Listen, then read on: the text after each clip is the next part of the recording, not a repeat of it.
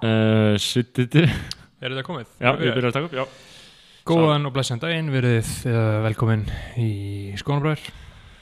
Uh, Það er nýtt dagur, nýtt tækifæri og við erum með fucking ferskan, nýjan, spán nýjan þátt beint að spennanum fyrir Einmitt. ykkur, kæra hlustendur. Algjörlega, Um, uh, skaldið sagði Banger Boy á bítinu þá veistu að það þarf að törna upp. Uh, þá væri þetta að yfirfæra þetta einhvern veginn í Banger Boy á pottinu Á potinu, mættur í hlaðarpið þá veistu að það þarf að törna upp. Þetta sagði einn frækni GKR um, Áður en við uh, vindum okkur í þáttin þá var náttúrulega vik, víkjum við hérna stuttlega því að við erum frjálst hlaðvarp sem uh, auðlýsir aldrei, gefur allt sitt dót út frítt og um, þykkur í staðinn framlög frá uh, hlustendum. í svona mjög uh, hendugri og hagstæðri áskriftaþjónustu Mm. inn á patreon.com patreon.com skástrík skónabræður þar bjóðum við upp á þrjár áskriftalegir og ég hveit þig kæri hlustandi ef þú ert ekki nú þegar búin að tjekka því að endilega tjekka því, eh, leggja frálsri fjölmiðlum lið,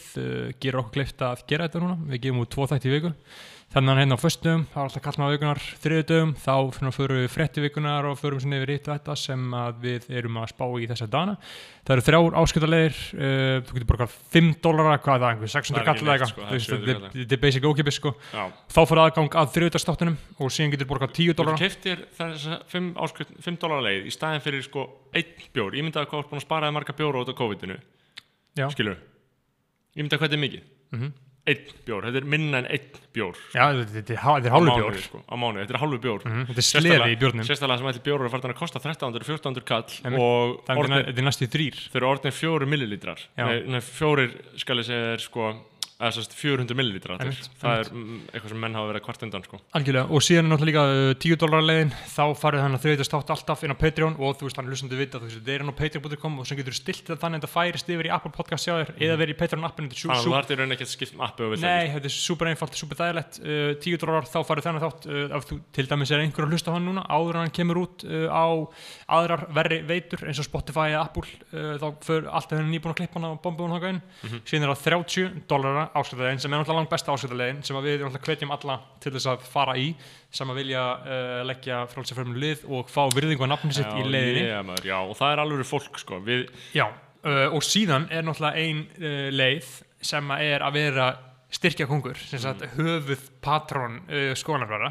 það er alvöru, alvöru maður sem gerir alvöru hluti fyrir íslenska fjöluminin og það Já. er engin annar en Jóhannes Haugur leikari Já, Jóhannes? Haugur Jóhannes- uh, Jóhannes Haugur Jóhannesson. Já.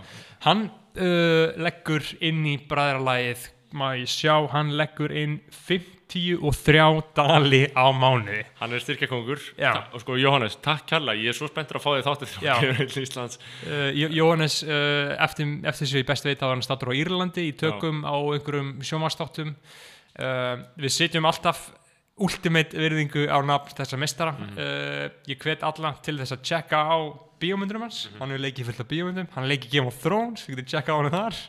Og, og næst, Fo- follow hann á Twitter. Næ, uh, næstur á eftir honum er Tandri Snær Traustason sem er hann rétt á hælunum á honum. Hann er Já. 51,5 dalir og uh, allir þeir, þeir hafa verið í svolítið samkeppni uh, um þetta sko uh, en ég held að sko uh, að sé aðeins meira bólmagn í honum Jóhannesi ég held að en- hann hafi fjárhæslegt svigrúm til þess að fara hans í háttu upp.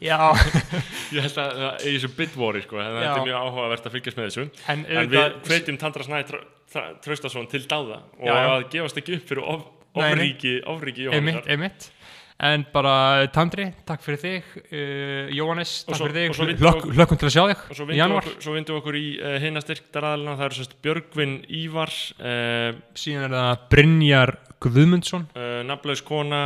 Tindur Kárasson Úlfur Árnason. Kristófer Daði. Já það kemur svo mikil munur hérna á hljóðunum hjá okkur. Býtu, ég skal bara klára þetta hérna. Kristofur Daði tónlistamæðurinn Dirb Tindur Örvarsson Haldán Sveinsson Tómas Óli Eggertsson Sverrir Jóhannsson. Geoffrey Huntington Williams nafnleiskona Áskumur Gunnarsson Benedikt Bjarnason og það var alltaf samt Síðust en ekki síst. Já, Eh, þannig að bara takk fyrir okkur. okkur í eitt stykki feitan þátt. Já maður. Og ég byrði Guð að vera með ykkur uh, bæði á meðan þáttinum meðan á þættinu stendur og svo eftir hann sem leiðis. Einmitt, einmitt, við erum að leiðin upp, til að klárast Fyrir hver að bakið um að sé bróðir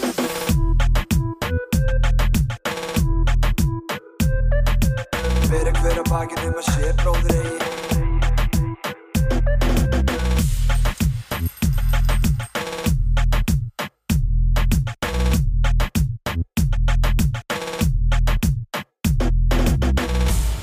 Ég er hérna búin að íta rekk, ég er að fá mig kaffibotla uh, Tveir menn er hérna með mér í hljóðvörinu Ég er að drekka kollab, hverjum sig. Uh, ég, ég, ég er með rauðan, Marteit, þú með bláan. Já, verður velkomin Marteinn. Takk fyrir. Verður velkomin með kollabinn, hann gaus hjá þér aðeins. Er það ekki? Já, ég gera það reglulega sko. Já. Er þið sponsorar að þessu? eða? Nei, en, Nei, en við, ætt, nei, veist, við ættum kannski að vera það, sko. En á kollab? Já, alltaf til þetta. Fiski, fiskibræði, eru þið, fiskibræði eða? Nei, Ekki lengur, þú vannst í, sko Þetta er skrítið, þetta er skrítið dæmi, sant? Já, Þetta er svo lýsi, ég byrjar að taka lýsi um mitt er fiskibræð að þessu? Það er fiskur í þessu, sko Já, kollagen Kollagen, þetta er Það eitthvað svona þorska Ég held að það setja ekki fiskin onni sko. Ha. Nei En en þetta er Fínt alltaf með fisk sko örugglega. Já, þetta er virkilega heldur gott, sko bara, Já, þetta tala um bara að segja, já, drikkum með fisk svona, Já. uh, Drikkum með fisk Þetta er svo Já. hvítvín Já, um, er það til? Hvað? Fiskidrykkur? Úr fiski? Þú veist, Er? Hvað menur? Bara- Drikkur sem var á að drekka með fiski? nei, bara drykkur búinn Lýsi. til úr fiski Lýsi, nei, kollab, bókstæðlega kollab Þetta er eini fiski drikkar á Já, jörðinni er það ekki Sáuðu ekki fréttina um stelpuna sem, sem er um fiski ofnæmi og Jú, jú Og Mér finnst þetta fyrir svona að vera með mynd af fisk framan á Já, en það, Já. þú veist, það er svona akkeri Það er eitthvað svona fíl Já, þetta er eitthvað smá svona tilvísun Þetta er eitthvað svona nýjó Jú, sjómannavæp, sko mm. En þarna, uh, nógu það Marteinn, Bangerboy, verður velkominn Takk fyrir Hvernig, hvað, hvað segir kjellin? Bara þokkalega Hvað, uh, hvað, Hvað er búin að gera? hvað er mann búin að gera? Upp á síkasti uh, Bara lockdown sko. Já, Já, Það er bara í stúdíónu og fara í göngutúra já, Halda sér sane ummitt hvernig gengur það hjá ykkur? Eru þið ekki að verða fokkin klikkaðir eða? mm, Nei, breytist eða ekki til mér þannig sé sko. Ég hef bara gott að þessu gott að því að allt loki snemma og eitthvað. Ég, ég er loksins búin að snúa sólringnum við og komast í rútínu alltaf Já, Já, hvenær vatnar uh, Í dag vatnaði er þetta ekki það snemma klukku nýju Nei. Já. Já, það er fest. Það er solid, Það er sko. gott sko. Það er ekki- Með að það er vera að ekki þrjú. Úr, fara úr svona 2-3 Já, Já, einmitt, það er það býður ekki búin neitt gott það er í svoleiðis rútínu, sko. Skandinavist darkness dæmi sko. Já og, og serða alltaf bara myrkur, skilur En það eru svo margir í þessu ástændi sem eru sko bara að gera hluti sem þeir meika að gera á þegar það er myrkur. En svo að spila Playstation eða eitthvað svona þá er meika ekki að Mhm. gera það í dagspyrta eða það er svo dörti, skilur Já, það breytist eitthvað, sko. En þarna, uh, já, þú ert að gera tónlist. Mm. þú bara vinnur við það, ekki? Það er bara þín atvinna. Jú Hvað, er bú, hvað er búið að vera lengi? uh, Atvinna mín að Já, Svona þegar ég byrjaði með GKR að vinna með honum þú veist, þá við náðum einhverjum vinsaldum, ég man ekki hvað ára var. 2016 2016 eða ekki? Þá byrjuðum um já, já, þá byrjuðum við að fá svolítið mikið að gíkum mhm, og já, þá hætti ég bara í unni sko, já. En það er heldur, og, og, og hvað ertu gamall? Uh, 28 Þú ert fættur 92, já, Já. Um, Hættir vinnu, hvað varst að vinna við? ég var að hérna, vinna sem stöðumálur Ah, það var geðveikt er það ekki næs vinna?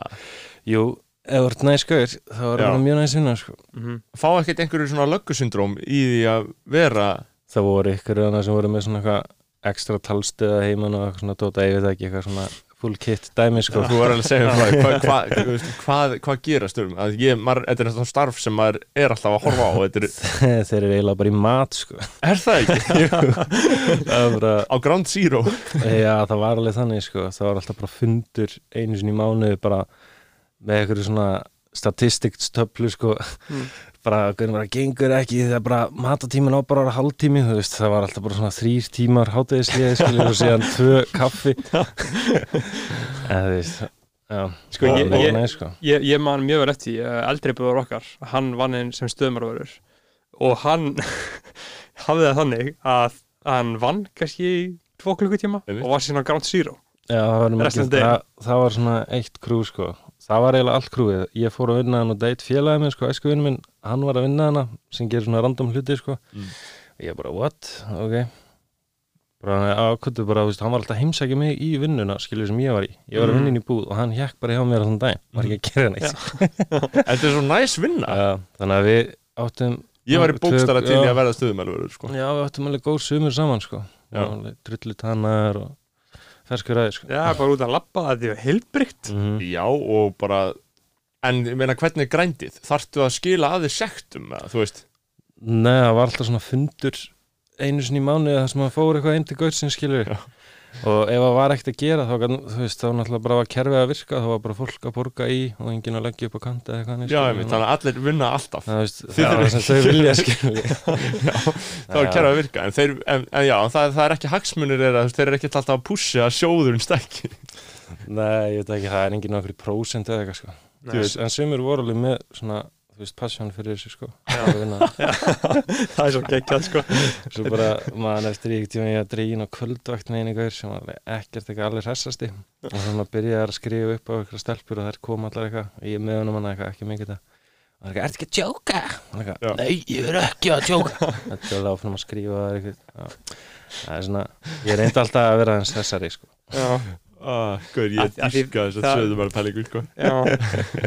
Æ, Það er nefnilega mitt smá sem að löggu dyravara fílingur. Já, þú þú ert í búning Já, Þú ert í búning Já. og þú hefur vald. Já, Þú mátt sekta, skilur Þetta er, þú gefur, þú Það leggjað gjald sko, Já, já. Það má ekki sekta. Nei, þetta heitir ekki sekt. Já, þú ert sko í stæðinu þá er ég bara leggja gjaldi sko. Hitt er, sekt er þegar þú ert búin að bara, þú veist Það er brot, Já, þá fær eitthvað sekt þegar þú ert bara með einhvern bíl einhvers staðar í einhver stæði, marga, marga. En ert, þú veist, sem stöðumælverður Veistu þá ekki um fullt af lifehacks um hvar er gott að leggja það? Nei, Nei, jú, ekki með það maður getur ekki gefið það upp sko. Nei. Leini sósan sko. Ég, Já. en það er náttúrulega algjörð hakk að vera með það, sko. Ég veit um nokkur stæði í bænum, sko, en maður gefur það heldur ekki upp, sko. Já. um, Einmitt, það er með, með svona stöðmur og ég einmitt sem þú spurður á Snorri hvort það væri eitthvað, eitthvað agenda sko eins og ég, ég trúi því að mikið af svona uh, löggum út á landi. Þær eru með agenda, skilur þær, þú veist, þær vilja sekta til þess að fá meiri pening uh, inn og geta gert meiri hluti, skilur það, er- það er svona smá incentive fyrir uh, fyrir löggu helvitin Haldið það síðan, haldið það síðan það- incentive um að sekta það. Já, það, það er þannig, löggan á blöndósi og sektar, einhver hluti á þeim pening fer til löggunar á blöndósi til þannig að deildið þín verður betri. Mm. og þess vegna eru þeir svona ekstra mikið kannski taka tímabila sem reyna virkilega að skilur Já, Já ég meina, kemur ekkert á sko. Um, algjörlega maður, en hérna hvað, sko, einmitt. þú ert uh, fyrir þá sem ekki þekkja þig, Marteinn uh, þú gengur undir nafninu Bangerboy Já. og ert svona einn helsti íslenski rap-pródúsörinn já, uh, það sé það. Já, afkastamikill hefur unni með uh, bara öllum röppurum sem manni dettur í hug, þannig séð. Hverju áttu eftir? Uh, Það er erfið spurning, það er alltaf margir. Hefur, hefur gert eitthvað með GP? Uh, við vorum alltaf félagar sko áður en hann byrjaði að droppa ykkur við gerum eitthvað, eitthvað tvö lög eða eitthvað. Já, það var skutum vídeo eitt sko. Já. það var granda þar sem hann var að bera ofan eitthvað á tönkunum. Fyrir uh, setjum í ganga já, Vá, hvað þið voru bara eitthvað 18 ára eða eitthvað? E, já manna ekki alveg sko. Svo léluðum með ár. Já, mm. Já. Einmitt og, eh, nei, já, Beggi, þú varst að segja eitthvað. Ég meina, Já ég, ég, ég, ég vil margt þessi að hugsa hvort það sé eitthvað sem er ekki, ekki, hefur ekki, þú veist unni með. Mm. já, uh, já var náttúrulega, ég veit ekki, við varum náttúrulega gaman að droppa tóti með, með Gísla Pálma eitthvað nýtt sko, þetta Já, en ég veit það ekki uh, ég næði ekki að hugsa nei, sko. nei, það, það, það er ekki stress. En þú hefur gert til dæmis lög uh, eins og rosalega vinsæl lög eins og uh, Oh My God með Fróna, Byrni og Joey og já, Ég var að hlusta á það á leiðinu, ég var að peppa svo mikið upp það uh, það er nefnilega, það, það eldist vel sko. Það er svo fucking gott Já. lag, sko það er svo elding í rassinn sko Já, þú veist, ég var bara peppaður og bara pælingarnar það eru svo ferskar já, já, uh, Það var svona smá shitstorm hann eða Já. eitthvað, eh, ok, shitstorm, skilur þú veist, það var smá Varst þú var við það, Martin, á sínum tíma þegar Eh. einhverjir voru að væli yfir þessu lagi já, ég var að vera við það sko Hvað var þú verið að segja? Bara, eitthvað að þeir var að tala um hérna, bitches. Já, Já, og einmitt og mér, mér var svo fyndið sko í þessari umræði að þú veist, það var einhvern veginn sem á svona skauta bara framjá þess og var eiginlega aldrei svarað, skilur Já, þú veist, Flóni og Joey fóru eitthvað við töl og eitthvað, eitthvað svona, skilur og fóruð þeir í vitul um þetta lag? Já, já, já, þið þurftu að svara fyrir þetta það var, meina, hverju- það var eitthvað leið að trilla styrri sko. Já, já, þú veist, ég meina Var þetta svona mikið, mikið, mikið skandall Já, þetta, þú veist, það var bara, þetta var svona Twitter og síðan minni pikkaði sko nútíminut upp. Já. Nei, var þetta svona fyrir svona löngu, var þetta 2000 og Þetta var 2018, Átján. sumarið 2018 Uh, Þetta var svona rétt ára nútíminn dó kannski. Já, og þannig að það var alveg svolítið svona uh, bitches vita alveg hver ég er, oh my god. Já, Já, Já. ég heiti Flóni um, og eð, þú veist, og það var einhver sem að virkilega sko greindilega og það var eiginlega aðalega versja spyrnis sko, Já, hann var heldur já, uh, En ég meina, þú, þú bæði enga ábyrð á því, Martin Nei. Er það ekki þægilegt það? Eða hug- Hvað hugsaði þú? Jú, það er mjög þægilegt sko að vera bara Já, og þegar ekki eitthvað, þú veist annars var ég örgulega einhverju feitu kræsis núna 28 ára eitthvað eitthvað Gucci beltið skilju já, Já það er náttúrulega líka heitt. Þú veist þú um, af því, að, því að þú sem pródusser getur verið að gera nákvæmlega sömu taktana uh, það er 28 ára.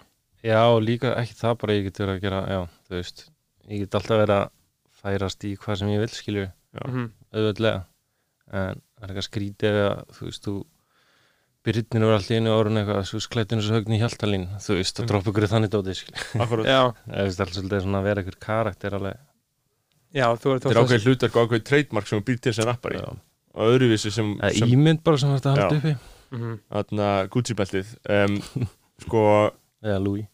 Eða Louis eða eða Fendi. Fendi.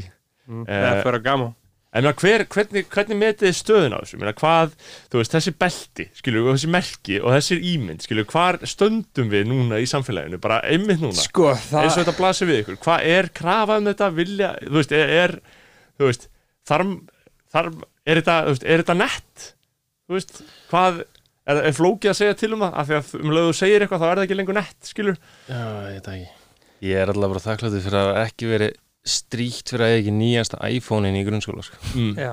Ég hef heyrt mikið að þannig tóti sko. er það málið? Já, Um, og það er svolítið erfitt að greina uh, rap hvað er í gangi akkur núna að því að það er allt búið að vera svo ótrúlega dögt í ár já, Sk- sk- skil ég hvað að meina, þú veist maður verður ekki vara við neitt, það er engin umsvif skilur, það er eiginlega engar útgáfur það er engin tónleikar, það er engin gig. Það er ekkert að gera, þannig að svona Nei. menningin er svo steindauð að það er svolítið erfitt að vera einhvern veginn að greina hvað er í gangi, sko, maður er bara ekki að gleyma þessu smá, sko, þú veist. Og ég meina, en hvernig það er búið að hafa áhrif á, þú veist, bara tónlistina, Martin? Við ætla búið að gefa mér svolítið pláss til þess að hugsa tók bara svona smá pásu sko. mm -hmm. Ég var alltaf að vinna en ég fór bara eitthvað horfði fyrst skiptið á eitthvað sjónvarsetni horfði Nice. allt Breaking Bad nice. gerði enga músík hann að fyrsta COVID-veginni mm -hmm. og já, síðan bara þú veist að ég veit ekki, maður er bara meiri tíma til að hugsa og plana og vera eitthvað að dúlla sér og já, sem eitthvað, það er engin svona keppni í gangi lengur eins og það var, eða þú veist svona maður var með eitthvað svona, þú veist, þú ert að mæta að ná að gera þetta út af því að veist, það er svo mikið í gangi og voru að klára allt núna er einhvern veginn, það er ekkert eitthvað rush á neinu sko, Mhm. og það er ekkert einhver, einhver svona feelingur sem ert að reyna mm -hmm. einhver andi sem ert að reyna að ná sko einmitt einmitt að því að, að því að hitt er, ég meina, þú veist, þú ert bara alltaf í ringiðinni, skilju, það er bara alltaf verið að gefa eitthvað út og það er samkeppni og menn að gefa út Mhm. plötur, ringa og þanga, skilju, og hugsaður, verðum meila að fara að droppa þessu efni og komast út, skilju, núna er, þetta hefur náttúrulega svo, en ma- maður málið er samt að ég hugsa að, þú veist, slík samkeppni og það umhverfi, það er náttúrulega mjög jákvægt fyrir listina, en það kemur svo mikið út, bara út af því hvað menn eru stressaðir, skilju. Einmitt, oh my god, ég hef ekki verið til í COVID sko, Nei, Nei. það er ekki COVID vibes það er svo mikið gretta í þessu, skilju, alls og, og þeir vilja sko. sigra og Já, banga, veist, Já, þú ert líka bara kemur, skilju, af klúbnum nýri stúdíó og verðt að semja tónlistina, skilju Einmitt. og ert, skilju, í þeim feeling og Mhm. bara allt er á lífi en núna ertu bara eitthvað þú veist, færi göngutúra eða eitthvað og varst bara að horfa á feitamynd í gær og ert bara að fara síðan í Gauð, hversu fokki leiðilegt að vera alltaf í göngutúrum? Hversu leiðilegt er lífið ef göngutúrar eru bara alvöru dæmi já, ég dýrka göngutúra ég líka, já, ég elska að fara bara í tveggja og háls klukkutíma göngutúr. Já, ég byrjar að fá rosalega mikið út í því, sko.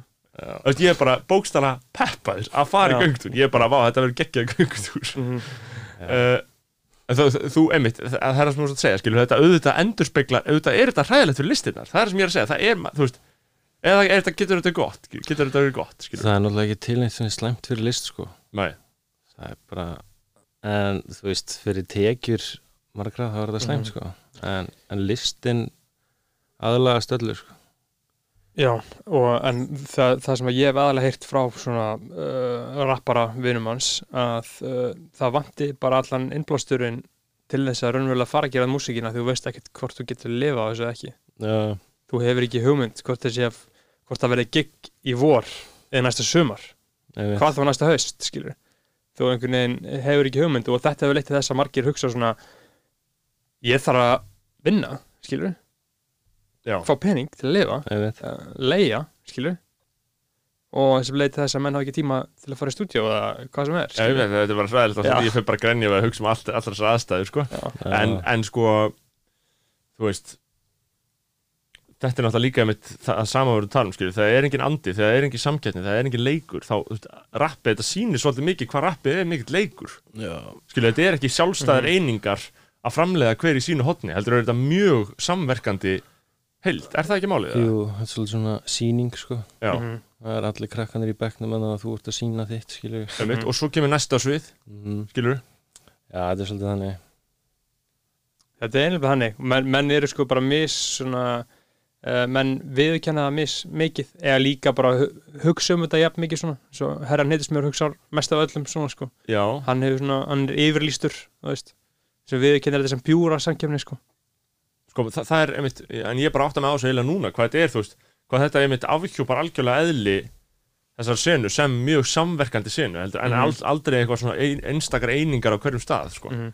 þú veist, þetta, sný, þetta snýst allt um samkeppnina, skilur Já, þetta snýst líka bara um svona sam, svona, hvað maður að segja, svona, svo kallar svona coexistence, sko. já, einmitt, mm. þetta er svona lífheild þetta er svona einhver ringur sko já, Mhm. en ég meina fyrir pródúsers, ég meina þú veist þetta er ekki alveg eins fyrir þig meina eins og þú segir, þú ert bara heima að búa til beats og búa til lög og búa til tónlist. Já, þetta er bara ekkert innblástur einn eða? uh, náttúrulega þú veist eitthvað aðeins en til að byrja með það var náttúrulega bara svona "Ugh, hvað er að gerast? Og en núna er ég alveg komin aftur í gang sko, allir verðast bara að vera hressir svona, veist, þetta ég er ég segja mig aldrei músík einn skilju, ég er aldrei eitthvað að gera eitthvað beats einn heima ég fæ mér að þú veist bara Mm. lið í stúdíu skilju og sem dótið þar Mm. en þú veist já það, ég finna að það er svona fólk er að peppast í gang sko en það er samt eitthvað búið að vera smá skrítið Já, ummitt. Og hvernig, þarna, uh, sko, ef þú ferði yfir svona, þegar þú byrjar að gera beats, eða búið til tónlist, uh, hvernig, þú veist, hvernig bara áru kafa það og hvernig er þetta búið að breytast frá því þá? Ég byrjaði að gera beats 2007 Já, ok, bara fyrir 13 árum. Já, wow Já. Já. það er endur ógeðslega langt síðan sko. Já, kipti ég einhvern svona NPC í London og lærði bara á hann sjálfur Það var ekki, þú veist, ég þekkti engan annan sem var að gera þetta þá, sko Nei. Nú er náttúrulega allir strákar í tíðin að gera beats Já, Og, hvað, og, þá, þá var náttúrulega allt annað dæmi í gangi í rappinu, þú veist, er það ekki rétt með að þá var þetta, var þetta voða mikið svona uh, J Dilla og Madlib og, og Stones Throw hjá það var alveg þannig, sko. Ég fyndi ég var í viðtali við Hagaskóla fyrir tveimdöðum og var hann að spyrja hvernig ég byrja að gera beats ég var 2007 og gæinn fætti 04 Já, einmitt einmitt að þryggjara Það Já. þryggjára þegar ég var að byrja en Já. þá varst þú mæntalega í tíundabæk eða hvað? Ég- og varst tí- eftir, í tíunda- hagaskóla? Nei, ég var í, ég er úr gráinum Akkur veist í viðtali í hagaskóla? Já, þú veist, ég var í viðtali fyrir hagaskóla bara fyrir hérna skólablaðina Já, einmitt fyrir, nice. Bara- fyrir dáðrandinn Já. sem við stofnum Já, Það er gott, gott blað, ég er mjög ánægð með að sé að taka bangabói viðtal Já. Great minds think alike Þannig að, einmitt, já, akkurat 2007 og ég meina það, það voru allt, allt aðra pælingar þar sem lögu grundvöldin að einhverju rap hugssjónum þar. Já, algjörlega, sko. Þú veist, að hápunkturinn minn þar var þegar ég gerði lag með klass B, mm. held ég. Mm. Gáðum það aldrei út samt. Það er Já. ekki eitthvað já við þurfum að finna það. Klass B. Klass B úr hljónstinni uh, Forgotten Lords. Já, Já. Einmitt. Og þarna og ég meina þróast þetta síðan bara jæmt og þétt, ég meina vissur þá að þú ætlaðir að, ætlaðir að Já. leggja þetta fyrir þig? Já bara þú veist, ég var bara alltaf frekar ákveðin í því. Ummitt og hugsaði bara alltaf, já, ég get alveg verið bestur í þessu ætla bara að halda áfram.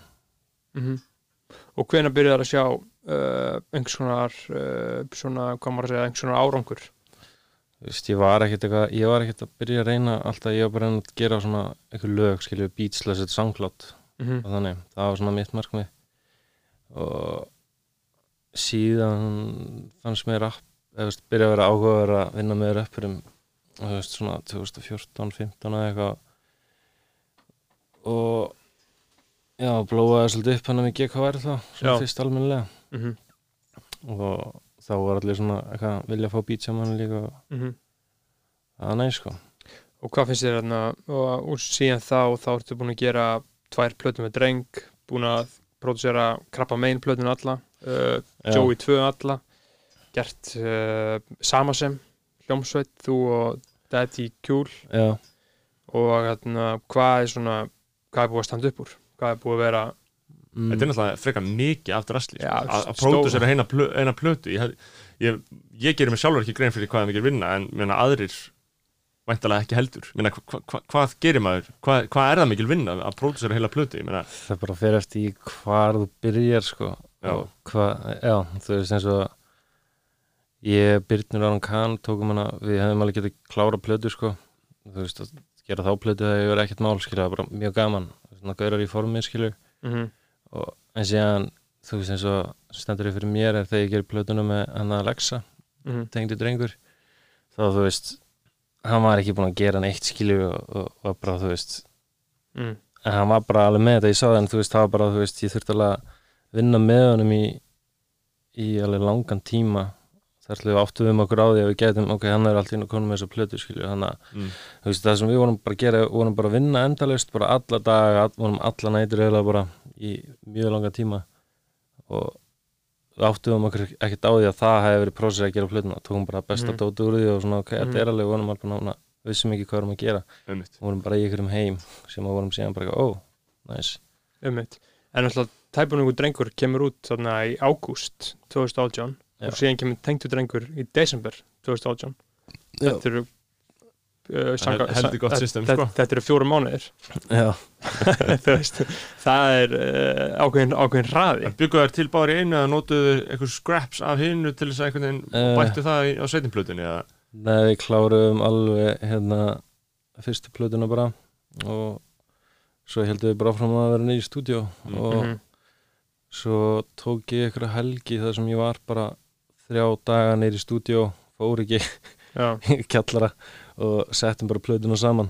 Og en eins og sko uh, En þetta er náttúrulega alveg epist shit. Já, þannig að tæ- tæpunungu drengur. Uh, mér langar að tala um hana sko. Það er svo legendary hérna, það, ég sko er vil meina að mér finnst það vera bara næst besta íslenska rapplatan á eftir Gíslabálma sko. Já, af því að það hefur lifað bara svo rosalega vel. Uh, tæpunungu drengur uh, ef hlustendur skildi ekki hafa hlusta á það þetta hefur ekki endilega uh, fengið svona, hvað maður segja svona megin strömsins eða þetta hefur ekki alveg svona það var aldrei vinsælt per se eins og annar rap átti heldur ekki að vera það sko Nei, en hvað er hann hvað er snildið við þetta? Af hverju er ég ennþá að hlusta á þetta í dag bara Einmitt. að minnstakosti minnstakosti 3-4 sem ég viku sko hvað hva, hva er þitt teik á það? Hverju er það svona gott? Uh, ég veit ekki, hann er bara svo merkilegur karakter hann Lexi sko. Mm hefur frá ymsi að segja. Og svo bara held ég að enginn hafi skemmt sér jafn mikið og við tveir. Og verið að brjála út í hvernig hann hvað ég er meira út í handstundum Já, þegar við gerum þessu plötu sko. Mm, en það er alveg mikið af tilfinningum í hennu og, og ég var alveg að svikna við að taka hann upp oft sko. Já, En verðum, bara, verðum að ná þessu og það eru svima línur sem við tekna bara upp hundra sinnum sko. Já, vá, ok. Uh, það er náttúrulega frekar áhugavert uh, ég var mjög mikið, veist þú þarna sko þegar ég gerði þetta þá var ég bara með ég sem ekki gert neitt og ég var bara wow þú veist uh, byrjaði miklu meira svona áttu með því að vera þú veist að vera hérna upptöku stjóri þú veist að, að vera engineera.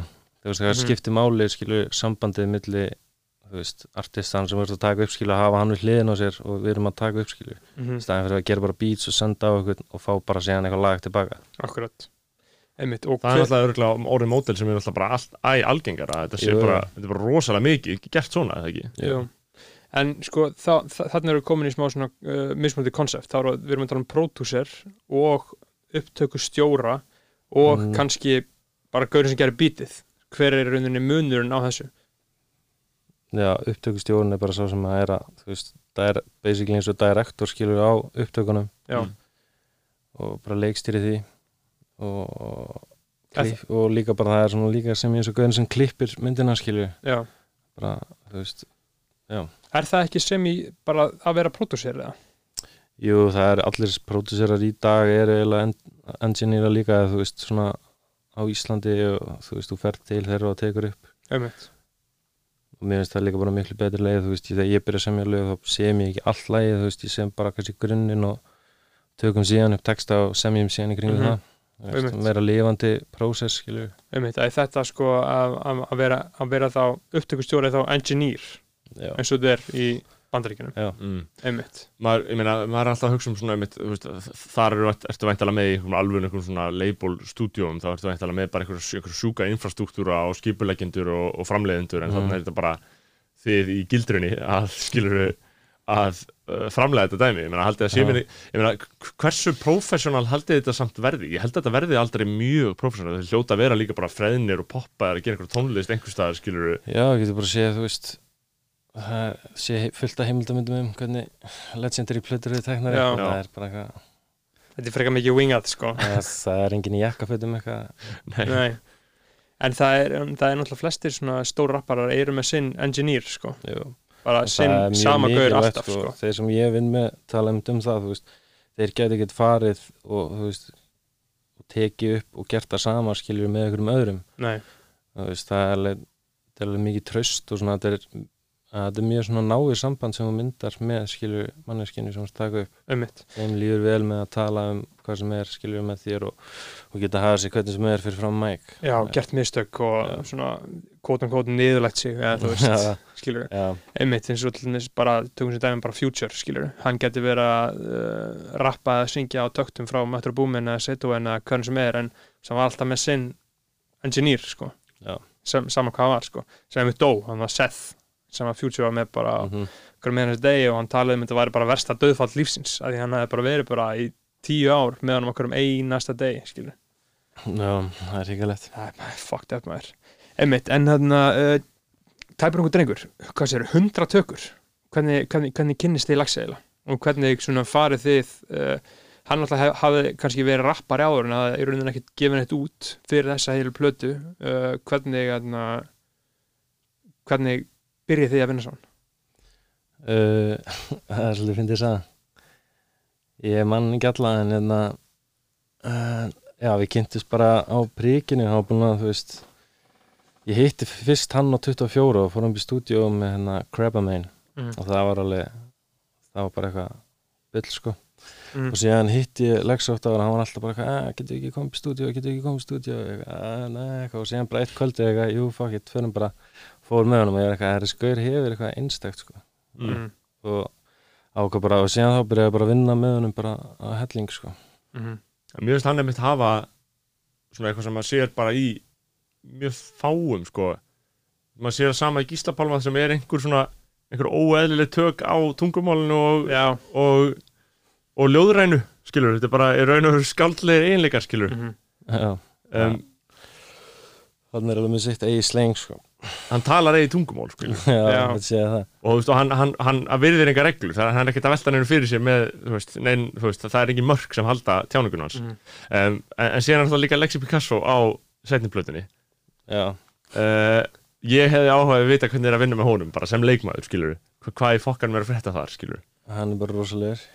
Er hann rosaleg, hvað er ge, geðu mig sögurnar, hvað, hvað hvernig er að vinna með honum, bara eins og það er að vinna með einhverju súperstíðinu sko. Mm. Já, ég meina hann er rosalega hæfilegur ykkur strákur. Sko. Lex Picasso er með einhverja svona guðskjöf já, þegar kemur að því að bara rappa. Já, hann það, bara, en það er kannski erfitt að láta þetta ganga upp allt, alltaf, skilur það er að segja, sko, það, lífans já, það, það hefur verið eitthvað við þess að nánum já, hvar, hefur hann eitthvað verið á Instagram núna nýlega, að við sé það eitthvað veit þið hvað er að frétta á honum? ég veit ekki, ég hef svolítið langt síðan ég mitt. Já, já, hann hefur bara mjög fínt. Hann er eitthvað stær í Afríku. Já, Þannig að flottir aðeins þar. Já. Með, Búin að vera í Afríku heldur Já, lengi? búin að eignast dóttur Búin að eitthvað stóttur? Já, í alvörinni Já. Vá, ok. Það er skúp. Já, ég vissi það, ég vissi það ekki. Það er bara frábært að heyra. Hann Ég hefur bara bara mjög gott sko. óska, Fjölskyldu lífunni já, bara óska Picasso hjónunum innilega til Já, til- innilega um, En hvernig kom það til að hann hann kom á pappír? Uh, ég ringdi bara hann og sagðist fyrir eitthvað legendary outro og Já. sagðist bara við í stúdíu það var þessa helgi sem við erum að mixa plötuna og pappírlagi það var allt annað lag og Mm. svo tók ég bara allt bítið út ég var búin að vinna alveg hefi lengi í því tók, díldaði bara öllu bítinu Mhm. spilaði eitthvað píanohljóma og setti eitthvað smá trómur og bara hefur þetta miklu betra og hann bara fíldi og ég bara já, ringi, ringi hann Alexa fæði outro hjá hann Mm. mm. ringdi bara inn og sagði bara það heyr, segðu bara eitthvað legendary shit bara um peninga og setti bara símur upp á mæknum og þetta var bara fyrsta sem hann sagði Já. og það var bara, já Pening- Peningar iconic sko. Peningur og kettlingar eina sem er hellingar Já. það er legendary sko. Við erum ánað með, með Lexa uh, Sko Þú ferð alltaf þaðan og síðan alltaf gerir alltaf sem plötu með Jóa á þeim uh, Ég hef alltaf áhugað að vita sko, hver, hvernig er að vinna með hverjum á einum sko. eins, og, bara, eins og hvernig Oh My God var til skilur, eins og segir, það, það verður til einhver svona góðu umhverju og fersku, ferskri stemningu Já, Oh My God var til eða sko bítið var bara til á fimm mínútum við vorum hérna frammi í stúdíun hérna sem við erum núna Mm. og maður ekki Byrnir eða Flónu er eitthvað að dansa og ég ætla að gera bara gera eitthvað svona, ég gera eitthvað trommur svona hraðar og svo spilaði bara svo hljóminn í jóki Mm. og Flónu var bara, herrið, maður ég prófa að taka upp yfir þetta? Og fórum inn í herbyggi og tókum upp og það var bara fyrsta sem hann kom og hann gerði versið. Og ég bara, þetta er bara perfect svona, þetta er svo, þú veist, svo effortless hljóma svo svona næs og hann líka varum að taka versið og það var hann bara frístælega og í endan að þess að gæli vilja allir en en en en en. Já. hann var bara þú veist að frístælega höfunda bara svona. Mm. og það virkaði Já, bara mjög vel sko. Þetta átti bara að vera draft skilur já. Já, Ein, eina sem var breytt í þessu lagi var að Flóni sagði ég var að poppa eina pillu lífið frekar vel fyrst og ég var ekki að nei, ekki nefnir að tala um að poppa pillur.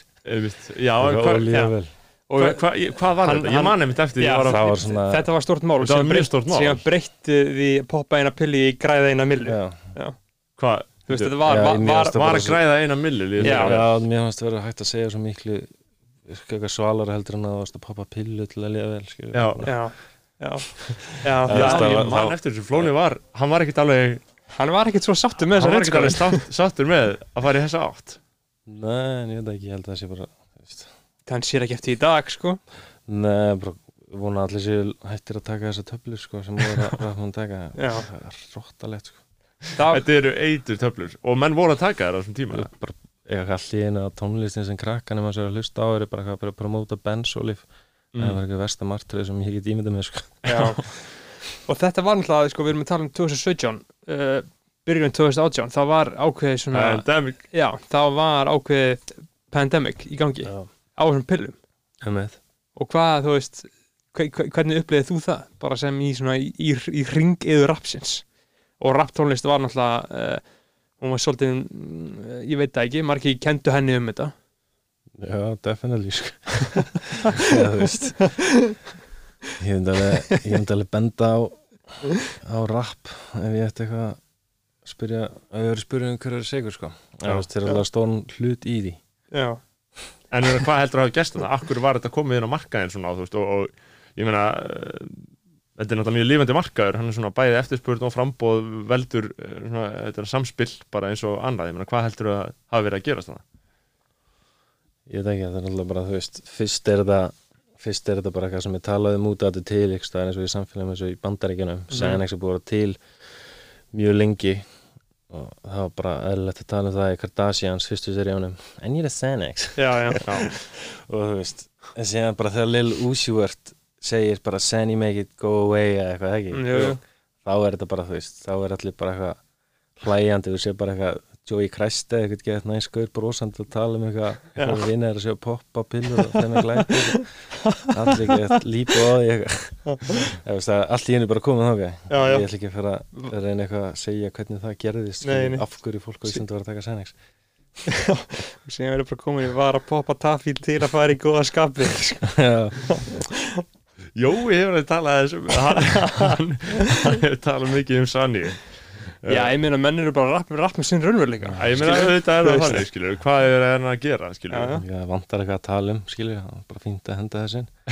það virtist vera alveg svona, En ég var alveg búin að gleyma þessu Ég var að poppa eina pillu líðið því að ég syng lægi stundum þannig að ég hugsa Ég var að poppa eina pillu, mér líður þess að sé í hluti af læginu sko. Já, En það er það ekki Já þú veist, þa þarna var þetta komið á sko, það stig að þú veist, það var að gaggrina þetta mitt Það sé einhverjum brosandi gaurar að tala um, tala um. Sanax sko. Hefi litríkum ferskur, bara í bláu vestunin í fjölskyldu garnum bara. Já, Já, nei, það er ekki málið að promóta nýslu, sko. nei, Nei, fyrst er það ekki fyrst, Leggur áherslu á þetta að, Ég meina, þú veist, að það er alveg að gera heil plötunar um þetta að þess að vera eitthvað fegra að segja þessi cool, skilju. akkurat Þú veist, bara, já. Já, einmitt, einmitt, að- eins og svolítið uh, náttúrulega á tæpunungu drengur er mikið talað um eitulif en það er ekki talað um kannski Nei, þú veist. veist, ef hann hefði sagt eitthvað, ég var að fá mig kókain og mér líður mjög vel, þá var ég alveg bara að hóla upp. Já, já, já, Það er- Nei, af því að, einmitt, af því að þarna er komin samt aðtilsverðu munur sko, af því að þetta er oft lagt að jöfnu að, að Já. umfjöllin jafngildi upphafningu en, Já. en sem sagt, að umfjöllin getur alveg verið raunveruleg og, og innihaldsrík og haft einhver öðrunur áhrif en að uppræða þetta skilu, af því að Mhm. Auðvitað þegar ef að flóni er að segja, er bara fokkin fersku að ég var að poppa eina pillu og mér líður frekar vel, þá er það Já. augljóslega upphafning skilur, Já, já, samt, kannski, þú veist en líka kannski lýsing á einhverjum þjáningum auðvitað. Já, já, Jú, það er sem tressasta lægi bara ever. Já. Þetta er svo, það er líka svo góða línu í, í Byrnins vers um ég, held að, ég held að þeim finnst ekki sérstaklega skemmtilegt að við séum að, að rifja þetta upp sko. að taka þetta lag fyrir þetta er gott lag, ég meina þetta er legendary lag og það finnst það öllum. Hvað, hva, Martin, hvað finnst þér þarna, hvað, hvað er uppáhaldslæði eitt sem að prótsera? uh, Veit ekki, ég er þetta að segja lag, sko? Mm. En, en bara svona plata, eða svona hildar uh, Veit ekki, mér finnst mjög skemmtilega þannig hildarsandi á, á fyrstu drengplötunni. Já. Svo, heitir maður svo reyðun að því. Mm. öllu projekti, það er svona eins og barnumann, sko. Einmitt, og mér finnst svo áhugavert sko hvað það er, af hverju þetta er svona gott? Ég er að reyna svona að, að, að, að skilja fræðilega sko. Já, að við erum tveir snillingar sem gerum blödu saman. Getur ekki gert. Ég, ég held að það sé þetta sem ég var að tala um að, að hann talar einn tungumál, hann lifir í einn heimi hann er ekki hann var ekki með okkur í skilur, Vestló og MR að skilur, hann er bara búin að vera að hugsa um aðra hluti þannig að þetta kemur óvæntir átt sko, efnistökin. Já, mér finnst líka kannski í tónlistin er þetta að rýna meira í þetta. Já, Þessi, þú veist, þú getur verið að spekulera þú veist, það er svona allt er áhugavert þú lítur svona einmitt Hann er að segja svona, það. hann er að segja sögur einhvern veginn frá sem maður hafði þannig sé ekki heyrt áður sko. Og er að segja sögur frá mismundi sjónarhóttnum og þú veist, sumt er rosalega skemmtilegt skilur og sumt er rosalega sorglegt skilur Já, náttúrulega þegar við erum að vinna plötuna þá, þá hérna, missir hann bróðu sinn. Ömmut, ömmut og talar um það einmitt kvildi friði minn bróði sem ég misti já. já, það er náttúrulega mm -hmm. alltaf að fara að vera uh, algjörlega fullkomlega óskiljanlega erfið reynsla sko, Mhm. sem einhvern veginn skila sig inn í plötuna. Um, en líka þú varst að tala um skilur að þú vilt ekki því finnst ekki mega sens að, að, að um, upphefja nesli með þessum hættir við vorum að tala um. Lítur á, ég meina, eitthulega nesli á Íslandi núna uh, bara almennt, ég heldur að þetta er, er þetta stort vandamál? Uh, er þetta útbreytt þú hefur insýn inn í þetta. Hvað, hvað, skilur, hvað segir við við því, ég meina, hvað segir við mannesku sem mig, eins og mig sem stendur á einhverju leiti fyrir utan svona shit, einmitt núna, skilur eh, og hvort sem þú gerir það eða ekki en skilur bara, þú veist, hvað hvar stend, standa þessi mál á Íslandi uh, eru menn mikið að fókusur upp eða? Já, ég meina, dóp er óhald sko. Já, það er Mhm. bara lína sem ég er að segja það sko. Mhm. Eða, veist uh, það er náttúrulega bara miklu harðari ef mér finnst svona eins og harðari neysla og lifið með svo oxycontin og svona veist, það var ekki þegar maður var yngri eða ekki bóðið skilur, það var ekki til telegram Mhm. þú veist, það var bara einhver gæi með eitthvað grasnúmeri á einhverjum gaur í skeifunni já, já, en núna get ég bara hringt í einhvern gaur sem er bara eitthvað með kristal meth fyrir mig bara upp að dyrum. Mm Já, En þetta, fyrir náttúrulega bara allt 100% fram á Telegram. Já. það er einmitt það sem ég er einmitt að hugsa um þetta, Já. þetta er orðið harðara, skilur og hver sem er getur komið í hvað sem er mjög öðvöldlega Það er Telegram, náttúrulega, þú veist, fullur og fólk ræði hvað það gerir en það er náttúrulega bara svona bara pæli það ég að krakki það var ekki þetta aðgengi Nei. Nei. Er þá náttúrulega þurftur kannski að þekka einhvern sem að þekka einhvern til þess að fá þetta. Já, ég þurfti bara, þú veist, ræna af ykkur segja eitthvað til að fá oxi, ég veit það ekki. Já, einmitt, Eða þú veist, ég vissi ekki að það væri til. Akkurat. Það, veist, það er líka, kemur aftur að tónlistinni sem hún hlusta á, þeir voru bara, þú veist, Madlib og J Dilla, þeir voru bara að rappa um gras eða áfengi, Já, eða þú veist. Mhm, Þetta er svo fucking intense nú, Já. skilu, og, núna er það bara alveg Molly Percocets. Já, já. Og, og er þetta í mikill umferð á Íslandi? Ja? Ég held sér bara allt í þessu, sko. Já, þú heyr, þú, þú ma, ma, það, það sem er svo sorglænt er að maður sér þetta alltaf í rappinu, skilur eins og bara núna vinsalasta lag á Íslandi er hann að Lemonade með hann uh, Don Toliver og hann Já. Internet Money og þeim, skilur og þar er hann bara að syngja bara Sunny Bars, Suicide Doors, Codeine Ég heyrði það að spila í útvarpinu held ég á rúf eða eitthvað og það var búið, að- það var radioedit það var búið að blurra út orðin svo Codeine Já, það, Já, og Einmitt. Sani. vá, skytið Það meikar sens að gera það Já, Já, en, út af þessu sama, skilu, þetta er eitthvað gleðilegt lemonade lag, skilu, Já, já. þannig séð sem allir bara frekar og ferskir bara, yfir. bara rosalega catchy og og, alveg bara catchy, að sko. gera þessi bara alveg lama bara Já, já. bara Sani bars og, og hérna svo morfín bara hræðilegt læknisfræðilegt ástand. Já, en ég meina þú veist, kannski er hann með þetta upp að skrifa.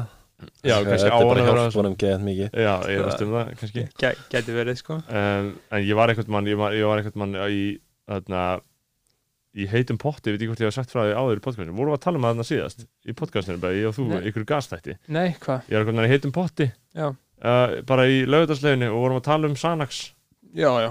Einmitt, Var ég að tala um það síðast? Já, hann held það fram Og þá var einmitt einhver læknir sem sagði bara, ég meina, ég, þú veist, þið veit ekkert hvað er að tala um við upp á skuðum tafíl bara til fullt, fullt af fólki fullt af fólki sem þarf þetta, skilur Já, uh, og þá var maður bara eitthvað svona, já, ok, það er alveg líka kannski einhver þannig tilfelli, skilur, en þau hljóta að vera færri en misnótkunin Einmitt, gefur til, gefur, gefur til kynna, sko um, Já, það er auðvitað En sko, uh, Martin, mér langar að tala um að það er tvö önnur lög sem þú hefur gert sem að mér finnst vera uh, bestu íslensku rapplögin ok Þannig að yes. uh, það, þau, þau, þau eru tvö uh, og fyrsta sem ég langar að ræða það er þarna, uh, óupplýst sagamál Já. með Tiny Hafið þið þetta? Snorrið, þú heyrt það? já, þú varst að tala um það um daginn, eða ekki? Já. Það er uh, sko það er lag sem ég hlusta á nokkuð sem í vikum líka.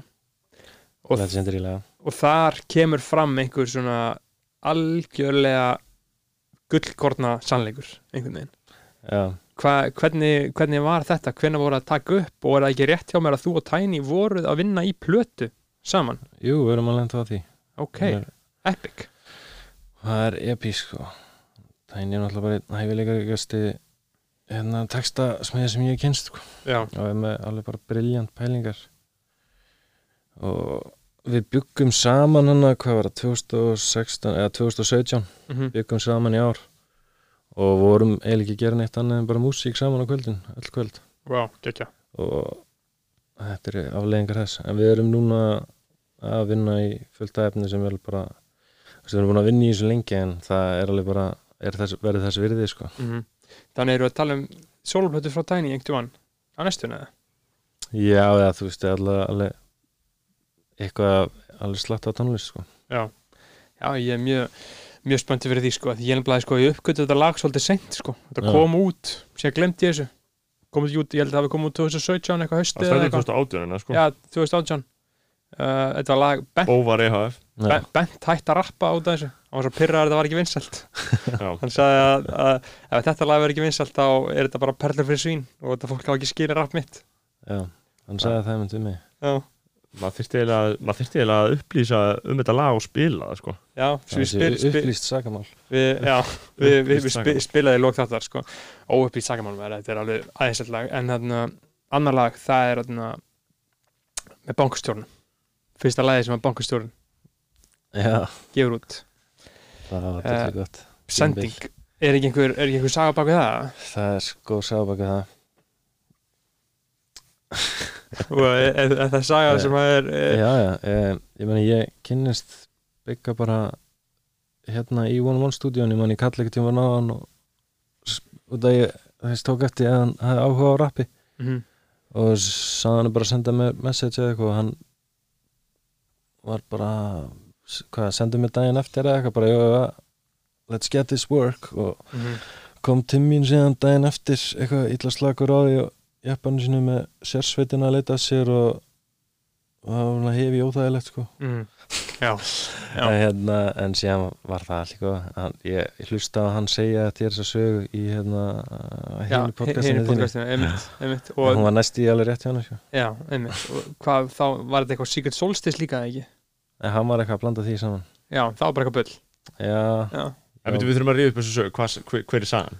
Uh, að Martin og Birgir Hákon kynntust þegar að sérsveitin var eftir. Já. Kom, eða, þú veist, hann kom heim til mín þá Já. í heimsótt þegar ég bjó með tæni hérna í Vesturbænum þá kom hann og ég bara að blessa eitthvað sem hann eitthvað, ei góð maður, ég bara að fá símtal frá pappa að sérsveitin var eitthvað að banka upp á með mér og eitthvað út af eitthvað mynd sem hann posta á Instagram og sér með skambissu sem þetta og það út af já, og eitthvað svona, það er skemmtilegt. En jú, þú veist, það, það lag er alveg hann kom bara til mín skilju og við vorum að byrja um að taka upp og bara svona, já þú veist, mér finnst mjög gaman að þjálfa svona, þjálfa rappara. Já það er svolítið, uh, þér hefur verið líst sem ákveð, ákveð, ákveðinu svona rap þjálfara rap coach. Já, eða bara segja, já, þú veist það er bara basically sem upptökustjóri gerir skilju, já, af því að þú ert ákveðlega góður rappari sjálfur eða ekki? Jú, eða, þú veist, þú veist alveg skilju hvernig þetta á að vera gert. Já, En þú En- gerir þetta ekki sjálfur þú, en þú, þú, en þú stundar þetta ekkert þú þú veist hvernig þú átt að gera þetta en þú veist, þú bara þú hefur þekkinguna en, en já, já, við sennast ekki mikið í þessu. Nei. Um, einmitt, og sendingin og sending er það bara, það er bara fyrsta lagi sem Biggi gerir eða ekki? Jú, ef við vorum að taka eitthvað upp heim og svo hérna tóku við upp þetta skilu all, allan textan í sending yfir eitthvað beat sem ég gerði. Og það var bara og svo daginn eftir eða nóttina var ég bara einn til svona áttaða morgunin. Ég klifti bara allt sitt saman skilu og mm bjó bara til nýtt beat undir það. Bara, bara samti beati bara yfir röddinn hans skilu -hmm. og það kom svo farlega vel út. Og, Já. og þá byrjaði þetta síndunum hann var bara wow. Já, og ég líka bara þetta, wow. já, ú, þetta virkar. Það er alltaf epíst tilfinning þegar maður er bara með eitthvað rátt og sem bara er eitthvað svona, ekki bæði drasl og ekki drasl og maður veit ekki hvað, hvert það Mhm. fer skilur sem bara kemur það vel út.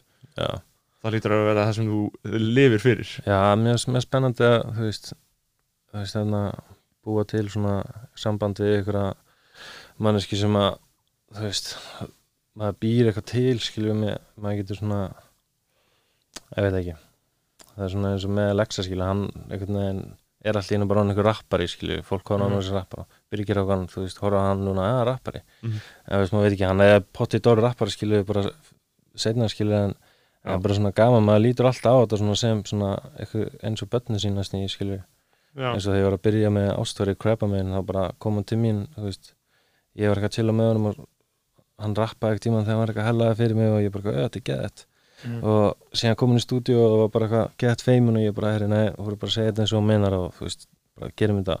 Og bara var bara bett, það bara, já, svona þú veist, Mm að, líð, að búa til hún samband þar sem hann líður vel að gera eitthvað saman og, og það verður allt bara, ég veit ekki já, bara myndi eitthvað tröst en þetta er svolítið gott minnstur sem við með þessa þrjá sem eru bara bókstæðlega beint af the streets skilur, Já. sem eru bara 100% af úr alvöru umhverfi skilur já, eða, veist, það er svona svo gaman að taka eitthvað sem maður sér að hefur potensiali en er ekki þar, en þú veist, þú veist að ef þessi manneski sett í réttar aðstæður og gera hann góða Já. hluti, einmitt, sem að einmitt. koma um í þær aðstæður bara.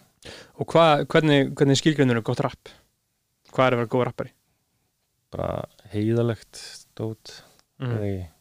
það er mjög rétt að segja hvað er gott rap sko. já, þú veist, en e, þá er þetta einhvers svona blanda af því bara hæfni, skilur bara raunverulega kunna og hafa eitthvað að segja það já, hann ekki bara svo svona þú veist, hvað gerir góða bók eða eitthvað, þú veist, góður að segja söguna eða eitthvað, þú veist, hún er mm. bara, ég veit ekki en, en og heldur að því að eins og þú var að segja það er alltaf erfitt að leggja mat á stöðu leiksins einmitt núna, Mm. af því það hann er ekki til. Hann er non-existent, sko. Það er, ekki, engin, það er engin list að verða til sem neytendur fá. Eða þú veist, jújú, jú, ég meina Bríett gáð plötu og hún er rosalega vinsæl Já. en það, það er ekki rapp, það kannski lifir í sinna eigin, eigin spacei, sko, herra, herra gáð plötu fyrir, í haust, sko. Já, og hún hefur orðið uh, miklu vinsælari ef hann, haft svona getur til þess að promotera hann almennilega í alvöru lífunu sko. En þú veist, ef að leikurinn væri í gangi, segjum sem svo að að hann sé það og sem hann er, alltaf einhvern veginn uh, finnst þér eitthvað að verða veist, finnst þér eitthvað, því það er alltaf verið að tala um þetta, þetta dauða íslensk rap, bla bla bla þetta kæftæði, er þetta að verða verra eða er þetta að verða betra, er þetta, þú veist er eitthvað, er eitthvað af þessu sem þið finnst algjört fucking drast eitthvað sem ég finnst vera algjört fókin drasl. Uh, Nei, ég veit ekki ég hlusta vola, ég næ ekki að hlusta á mikið af tónlistinni sem er verið að gefa út hérna. Veist, ég er bara meira einbytta mér að því sem ég geri. En ég veit ekki, það eru einhver skilur sjátt á þetta þið sem erst að gera, eitthvað algjört draslan úti, Mm. þú veist, það eru einhverjir. þú veist, þú veist hvernig það er Þú veist hverju þú ert Ég ætla að draslið þitt einmitt, bara þeir taka þetta til sín sem eiga að taka þetta til sín Já, það er mjög, góð- það er mjög góð skilabóð sko. um, Já, já, þi- maður. þi- Þér finnst rappið ekkert vera að hafa eitthvað eh, versnað með árunum eða? Versna, Já. nei Þú veist, það er náttúrulega bara alveg og hlustar bara þegar við vorum í grunnskóla það er náttúrulega alveg hryllilegt sko. Já Einmitt, eitthvað svona. veist, Já, já. le, le, standardin mjög lág já, ég veit ekki hvað eitthvað svona gull tímabil ekkur eru með svona eitthvað, já, þetta var svo gott þarna, skilju Mm. já, þú veist. Ég veit það ekki. Það var ekki til. Nei, mér finnst þetta að vera bara þú veist, allir eru bara að þroskast og vera betri og þú veist þá, þetta er bara að vera betra. Já, Einmitt, einmitt. Það er skoðun. Um, Það er það sko. En þarna, uh, við erum alltaf Já, skoðunir Já, já. Við Ég sagði þarna- skoðun, það Já, er já. gott orð. Skoðanabræður. Einmitt. Uh, Ert ert- þú almennt með skoðan? Martin, á svona Já, þú, ert- ég heyra laðu, þú ert með skoðanir. Já, Já, ætla ekki. Já, einhverja, á hverju samt? Bara á, bara hinum þessum Já, svona ég veit ekki, mér sko þú veist, ef þess bara eina skoðunin er mín er að þú getur ekki myndað er einhverja ákveðna skoðun eða sagt að rap sé eitthvað ákveði þú veist, eins og sé bara einhver fertur gaur sem er dáin skilur svona grafan hérna þú veist, Mhm. þetta er ennþá lifandi þetta Já. er bara búið að vera til í svo stuttan tíma og þú ætlar að fara að tala um hvernig það á að vera skilur, já svona spes Skoðanir, já, Já. einmitt En, en skoðanir, hefur skoðanir á um, pólitík? Nei. Hefur ekki skoðanir á pólitík? Veist- ekki sem ég ætla að fara að tjá mig um sko, ég, Nei. Nei. ég er það privileged að ég er ekki að í því sko. Nei, einmitt Já, Mhm. það er hérna ég, ég er eiginlega í þeirri stöðu að ég ætti að vera það en ég er geðsjúkur þannig ég hugsa um pólitík, skilur Já, um, En mér finnst það gott ekki, minna það er náttúrulega út af fyrir sig bara ákveðin veistla að þurfa ekki að pæla í pólitík, skilur Já, ég gerir það, þú veist, þegar ég fæ eitthvað kvóta eða eitthvað, þú veist, ef með eitthvað mm. miljardæðina banka þá get ég fara að pæla í því, Já, pæla í leiknum. já. um, Aðeins, að, að- aðeins að greina þetta en ég minna samfélaginu með almennt, skilur Lestu samfélagsmeila verður ver pyrraður yfir því hvað er verið að tala um eða hvernig andrumsloftið er Já, ég meina, maður er svolítið komin yfir það að vera pyrraðar yfir eitthvað svona dóti, sko. Já. Þú veist, maður gæti verið það fyrst þegar að mm. eitthvað, eða þú veist, nei, ég held að ég sé alveg komin yfir það að vera ergja með eitthvað svona dóti, sko. Og Já, þú, þú bara lifir svolítið sáttur í, í samfélaginu lifir, í- lifir í turninum. Já, maður er bara svona sinn eigin gæfi smiður, sko. Já. Já, já, Ég held náttúrulega að samfélagi verið tölvöld betra ef að flestir væru bara á þeim nótum en Já, ég er líka bara mjög heppinn að hafa til dæmis á tímum eins og þessum að hafa til dæmis tónlist eitthvað sem ég get yfkað mm. þegar margir félagi mínir skilur núna er búið að taka gymmið að þeim og það er ekki mikið eftir skilur já, til já. að gera skilur ég meina, ég held að þetta muni hafa svo neikvæð áhrif til lengdar þetta er að fokka fólki upp og maður getur eiginlega hugsað um neitt annað sko. Þetta oftur að hafa gjörsamlega eins og, eins og, eins og Soli tryggvaði með á heilinum sko. að, neikvæðir áhrif en já, að þetta að, það hafi miklu neikvæðar áhrif uh, það sem þið gera en COVID myndi að drepa nokkra sko. já, en máli er, en það er bara ekki hægt að sjá það skilur en, máli er samt að þetta er svo mikil miskilningur veist, þannig að ég svari því. Veist, þetta er mikil miskilningur sko alltaf að um að skilur vörðin við COVID að þetta snúist um að verja gamla fólki sem gæti fengið COVID. Þetta snýst ekkert um að verja þau. Veist, þeim væri alveg sama hótt að nokkur gamlingjar myndu deyja. Það sem þetta snýst um að verja eru sjúkrahúsin. Skilur, að því að já. ef þú fær svona bylgjur á COVID þá rinja sjúkrahúsin eins og þau eru alveg að gera núna. Að neyðast eða landsbyðunum skilur. Mm. þannig að þetta snýst ekki um að verja gamla fólki frá COVID þetta snýst um að verja verja sérst sjúkrahúsin almennt. Um, já, sveimi þá maður. Um, Einmitt maður, þarna, eru við ekki bara sko, Martin, er eitthvað þú veist sem erum ekki, eru, eru að gleyma einhver að gleyma einhverju stóru þáttum í er, er, Eh, Mm, Ég veit ekki sko. Sko, mér langar aðeins sko, uh, náttúrulega önnur, pla, önnur heil plata í fullir lengt sem við gert, er, sem við komum aðeins inn á hann uh, Krabba Mein, já. platan. Hvernig, hvern, hvern, hvernig finnst þér hún svona búin að vera þró, eldast og þróast bara mjög vel sko. Mér finnst þeim gott að veist, við vor, vorum ekkert að drífa okkur að gefa hana út. Við hefðum getað gefið hana út fyrir þú veist, tveimur árum. Já, eða þú veist, tveimur árum fyrir jáfnvel sko. Akkurat. Ég man ekki en það bara komið hlutur upp á. Mm -hmm. og þú veist við hitt, mér veist, við gefa hana svolítið svona út þegar að þú veist, þetta er svona þú veist, rappið er hann búin að klæmaksa skilur alveg að píka Mm. og síðan er það svona að ferða aðeins nýður og allir að róast skilur, þá Akkurat. svona droppum við þessu svona Já, þetta kemur út á skrifn tíma, 2019 já, við náðum ekki alveg þessu að það sem allir er að trillast yfir skilur, Einmitt, það sem var bara til dæmis, hefði þetta komið út tveimur árum fyrir þá var náttúrulega miklu meira pláss fyrir nýja rappara já, Já. þannig að þá meira í þetta allt bara rappi upp þá. Já, þá var bara, hvað sem er, þá var rappi bara pjúra, pjúra poppi, þetta var áður en að svona danstónlistin fór eitthvað að koma inn í þetta sko en ég meina, þú veist, skipti það einhver máli? Mun ekki sagan alltaf bara verða þessa plötu? Eða? Jú, það er líka bara miklu mikilvægst ég er enn alltaf að pæli því að tónlistin sé góð eftir skilur 100 ára eða eitthvað. Mhm, þegar eitthvað gaur finnur hana, hann á hljóðbókasafninu. Já, Mm. sjátt þetta á, hvað heitir hann, eða eitthvað, hann er alltaf að senda message. Já, mér líka. Hann er alltaf að byggja um ykkur alltaf að um fæla Á. Er það? eða frá einhverju svona varðvislu safni eða eitthvað, ég fæ e-mail bara mjög oft Það það Ég, herri, ég eftir að senda henni Crab Main plötuna, hún var að byggja mig um að senda sér hana. Já, voru að gera það maður, það var að vernda þetta sko. Er þetta bara tónlist eða er þetta líka Þetta er svolítið mikið bara, bara tónlist sko. Eða þú veist að þetta þetta er hljóðrita safn held ég þetta heiti. Já, Við svo hvort að við erum að setja podcast eða eitthvað þannig skilur Já, já all, það allra getur heiti ekki gert það, hún vill bara fá allt. Já, Já. já við þyrftum vel að gera það sko. Eh, Ég er líka með skilur tíu þáttar seríu af mér og Otti Þórða í einangrun, nei í sótkví Já. þar sem við tókum upp bara lang, lang podcast annars að gefa nokkurn mann út sko, ég þarf að fara með það til Bryndís mm. um, ég, ég tók viðtalið krabba megin þegar hann gáði þessu blötu uh, langt á MBL Mm uh, og það var gott stöf þá var hann að vinna príkinu bjóst við uh, og það voru gig sko, þetta var hann vestlumar helgi held ég. Og menn voru bara heldur ferskir og þetta var 2019, núna var farin að, ég er farin að hugsa um sko 2019 sem bara indislegan tíma. Já, út af COVID. 2019 var epíst ár sko. Já, sem er var galið sko, því ég var mjög skeggjaður þetta ár sko. Já. 2019 var æðislega ár sko. Það, þarna 2019, við syrgjum það og við vorum, ég, ég var nú náttúrulega ég er enda hrættur um að, að, að 2020 verði sami kæftið í gangi nú sko. Já, já minnst það er samt eða besta árið sko. 2020? Já, fyrir fólk til þess að, fyrir þá sem vilja svona líta inn, inn á við sko og bæta sig. Já. Hefur þú verið að líta mikið inn á við? Já, ég er bara miklu betri Já. Er bara ekki þroskast og liða vel bara í langan tíma sko. Já, næs Og hvað, hvað ertu búin að gera til að bara eitthvað svona reyfa sig, þú veist, það er bara eins og COVID skilur að kemur COVID, þá bara svona fattar ó, shit, ég er bara setjandi í vinnunni og sem kem ég heim og er setjast svona Mhm. fullt af dóð sem að byrja að reyfa sig miklu meira og bara svona þakklátari fyrir heilsuna sína bara þakklátari fyrir það sem maður hefur sko.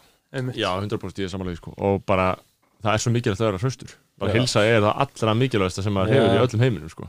maður sér það líka, það er einhvern veginn allir félagum að skomnir í eitthvað svona heilsu átak í þessu COVID-dæmi sem er bara Já. mjög gott sko Já, og svo er þetta haldið líka gott fyrir náttúruna já Global warming, þeir sem, fyrir þá sem trúa það. Global warming is real. Þannig að En heyrðu, hérna, og hvað hva, hva er svo framtíð, Martin? Hvað, hérna, hvar, hvar, hvar, hvar sér að sjálfa þetta tíu ár? bara uh, bara hérna eitthvað með ykkur. Já, taka, taka voljum 2 já, ég er mjög spenntið fyrir því sko. Við þá bíðum þurfa að fara yfir stöðuna. Já, við byggjum spenntir til því. Þá verðum við líka ennþá með þátt. Já, þá er þetta sjöundrasti skoðanabræð þátturinn. Að ég enda á óupplýstum sakamálum Jú, Jú, jú, algjörlega, neglum því yngang maður. Herðu Martin, þarna uh, bara fokkin veistlega að fá þig. Já, Núna erum við búin að bæta þessum þessari þekkingu við samfélagið. Já. gerir svo vel. þarna, þetta er grændið fyrir með þetta hljóðbókasafnið sem En- við en hittum þarna- á hvenær er, uh, er, ekki, er, er ekki að fara að klára trilogíuna? Jú, Ekki lengur drengur? það uh, er í vinslu það er vinsli Eru er, er að hugsa 2020 eða 2021 eða uh, næsta ári næsta ári? Veisla, við býðum spenntur, tæpurungur drengur, tengdur drengur og svo ekki lengur drengur. og alvöru, ef þið aðeins ekki hlusta á það shit farið á Spotify og leitað að drengur það Ég- er eina sanna dæmi sko. Ég, ég, ég, ég stakk upp á þann að þetta gera svona COVID-útgáð, Ve, veikur drengur. síktur drengur, Já. það er uh, málið Sýti drengir Já, herru, þarna Martin, bara takk fyrir þetta bró. Já, takk sem leðis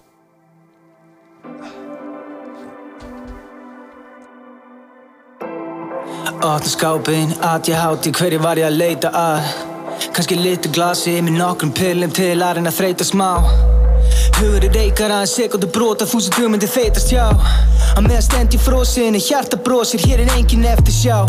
Býð ykkur gott kvöld aðan ég hverfins og hútin í heim. Hefur oft hér alveg til kortið, svima með lofti, allt þetta game Sprakk upp í lofti, allt er á toppni, mannst þetta er okkur, við vorum þeir. Var fyrir nokkru, segi ekki meir, ekki mér stilla að tala eitthvað game, nei, ei, ei, ei.